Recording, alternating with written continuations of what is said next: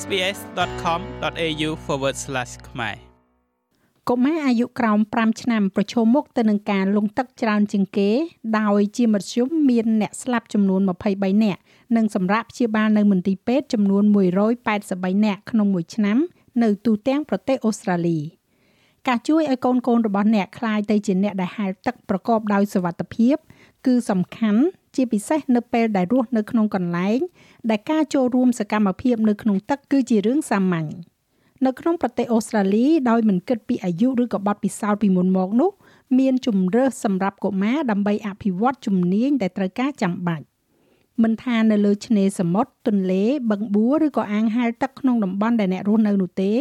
ការលេងនៅក្នុងទឹកនិងលេងម្ដុំជុំវិញទឹក គឺជាផ្នែកសំខាន់មួយនៃការធំធាត់ឡើងនៅក្នុងប្រទេសអូស្ត្រាលី តែគួរឲ្យស្ដាយណាស់ជារៀងរាល់ឆ្នាំតែងតែមានមនុស្សលង់ទឹកស្លាប់ឆ្នាំ2022បានរកឃើញការកើនឡើងតាក់ទងទៅនឹងកុមារដែលត្រូវបញ្ជូនទៅកាន់មន្ទីរពេទ្យនៅទីក្រុងស៊ីដនី បន្ទាប់ពីមានឧបទ្ទហេតុលង់ទឹកនេះបានជំរុញឲ្យមានការព្រមានជាថ្មីអំពីអ្នកជំនាញនៅ Sydney Children Hospital Network និង New South Wales Ambulance វិជ្ជបណ្ឌិត SV Sundapan គ្រូពេទ្យវះកាត់របួសស្នាមនៅមន្ទីរពេទ្យកុមារនៅ Westmead នៅក្នុងភូមិខាងលិចទីក្រុង Sydney មានប្រសាសន៍ថាឪពុកម្ដាយត្រូវដឹងពីហានិភ័យជាពិសេសនៅក្នុងរដូវក្តៅ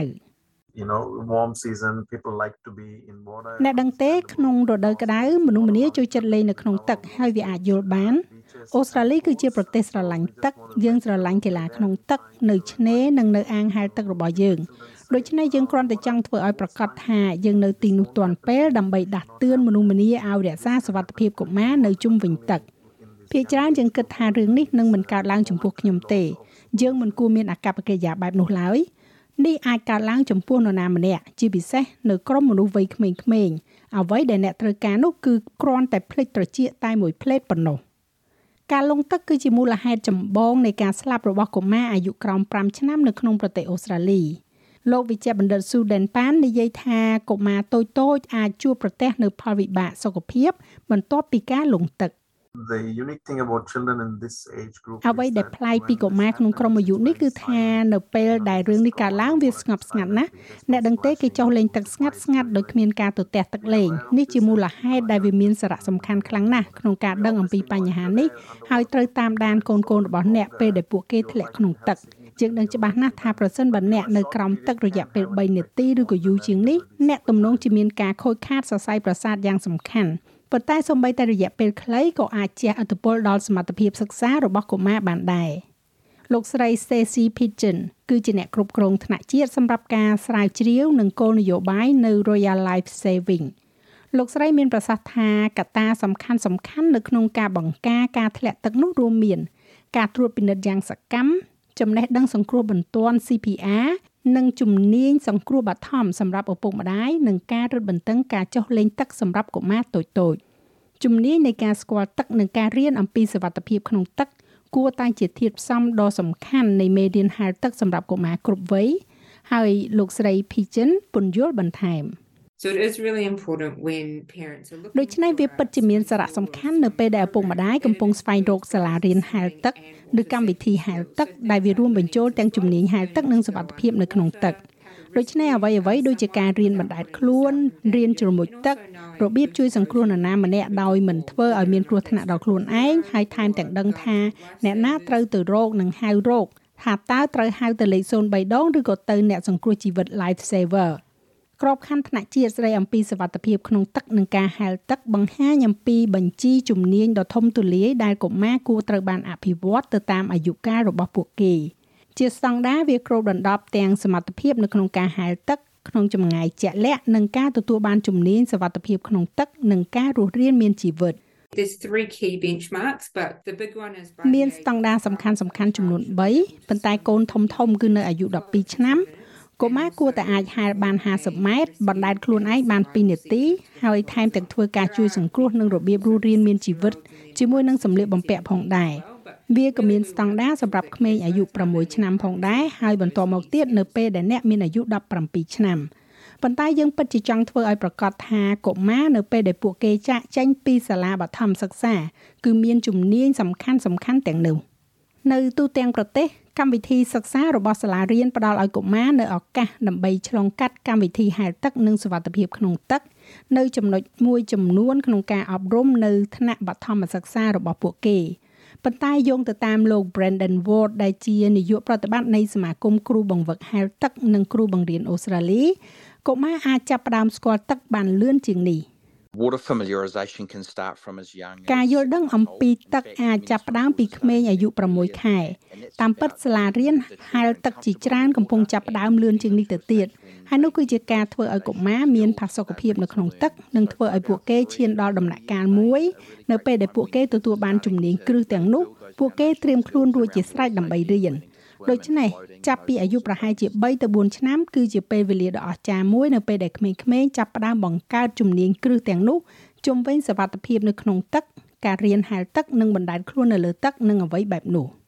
លោក Ward មានប្រសាសន៍ថាឪពុកម្ដាយមានតួនាទីយ៉ាងសំខាន់ក្នុងការជួយកូនកូនរបស់ពួកគេឲ្យក្លាយទៅជាអ្នកហែលទឹកប្រកបដោយសុវត្ថិភាព you know I know certainly for the children អ្នកដឹងខ្ញុំដឹងប្រកាសណាស់សម្រាប់កុមារដែលខ្ញុំធ្លាប់ឃើញរៀនហែលទឹកហើយកូនកូនរបស់ខ្ញុំ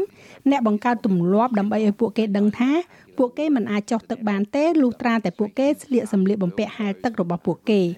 ដឹងថាពួកគេមិនអាចចូលទៅក្នុងទឹកបានទេលុះត្រាតែមានមនុស្សពេញវ័យនៅជាមួយពួកគេដូច្នេះហើយអ្នកអាចចាប់ផ្ដើមបង្កើតទម្លាប់ទាំងនោះនឹងការយល់ដឹងតាំងពីនៅក្មេងៗ ប៉ុន្តែខ្ញុំស្មានរឿងមួយទៀតគឺឪពុកម្ដាយពិតជាត្រូវមានទំនុកចិត្តនិងសមត្ថភាពនៅក្នុងទឹកដើម្បីក្លាយជាអ្នកគ្រប់គ្រងល្អលោកវិជ្ជបណ្ឌិតស៊ូដែនផានប៉ាន់ប្រមាណថាប្រហែលជាកុមារម្នាក់ក្នុងចំណោមកុមារ5នាក់ដែលជាប់ពាក់ព័ន្ធនៅក្នុងឧបទ្ទហេតុលងទឹកគឺមកពីសាវតាវប្បធម៌ចម្រុះក្នុងនាមជាអ្នកដែលបានរៀនហែលទឹកនៅក្នុងប្រទេសអូស្ត្រាលីក្នុងពេលពេញវ័យ លោកបានលើកទឹកចិត្តទាំងឪពុកម្ដាយនិងកូនឲ្យចូលរួមក្នុងបទពិសោធន៍សិក្សាឲ្យបានឆាប់តាមដែលអាចធ្វើទៅបាន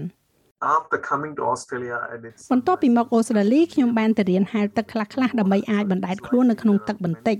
ដូច្នេះទំនងជាមានមនុស្សបែបនេះជាច្រើនមកពីមជ្ឈដ្ឋានវប្បធម៌ចម្រុះដែលឪពុកម្ដាយមិនអាចហែលទឹកបាន ប៉ុន្តែសំណាងល្អនៅប្រទេសអូស្ត្រាលីយើងអាចយកកុមារចូលទៅក្នុងទឹកក្នុងបរិយាកាសប្រកបដោយសុវត្ថិភាពមានថ្នាក់រៀនចាប់ពីទីរក់ឡើងទៅដូច្នេះអ្នកដឹងហើយថាការចាប់ផ្ដើមពីតូចគឺជាការល្អព្រោះនៅពេលដែលពួកគេរស់នៅទីនេះពួកគេទំនងជាបានចុះលេងទឹកហើយចូលរួមក្នុងសកម្មភាពលើទឹក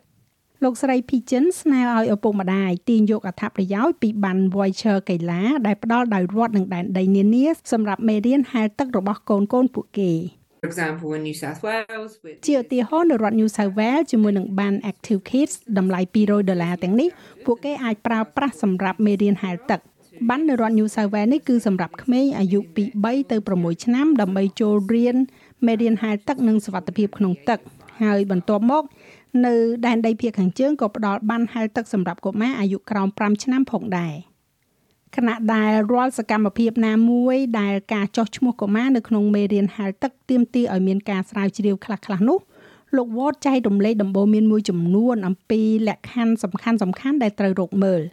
I'd certainly be looking to make sure that the ខ្ញុំពិតជាចង់ធ្វើឲ្យប្រកាសថាសាលារៀនហែលទឹកមានគ្រូដែលមានសមត្ថភាពត្រូវប្រកាសថាគ្រូទាំងនោះទទួលបានការទទួលស្គាល់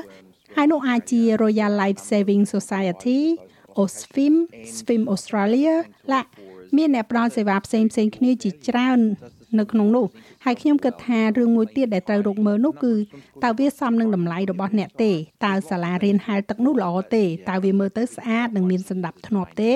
សាលាហែលទឹកមួយចំនួនបានទទួលសក្ខីកម្មនៅលើគេហទំព័ររបស់ពួកគេមានរឿងជាច្រើនដែលត្រូវស្វែងរកប៉ុន្តែខ្ញុំចង់និយាយថាប្រហែលជាគ្រូដែលមានសមត្ថភាពគឺជារឿងសំខាន់។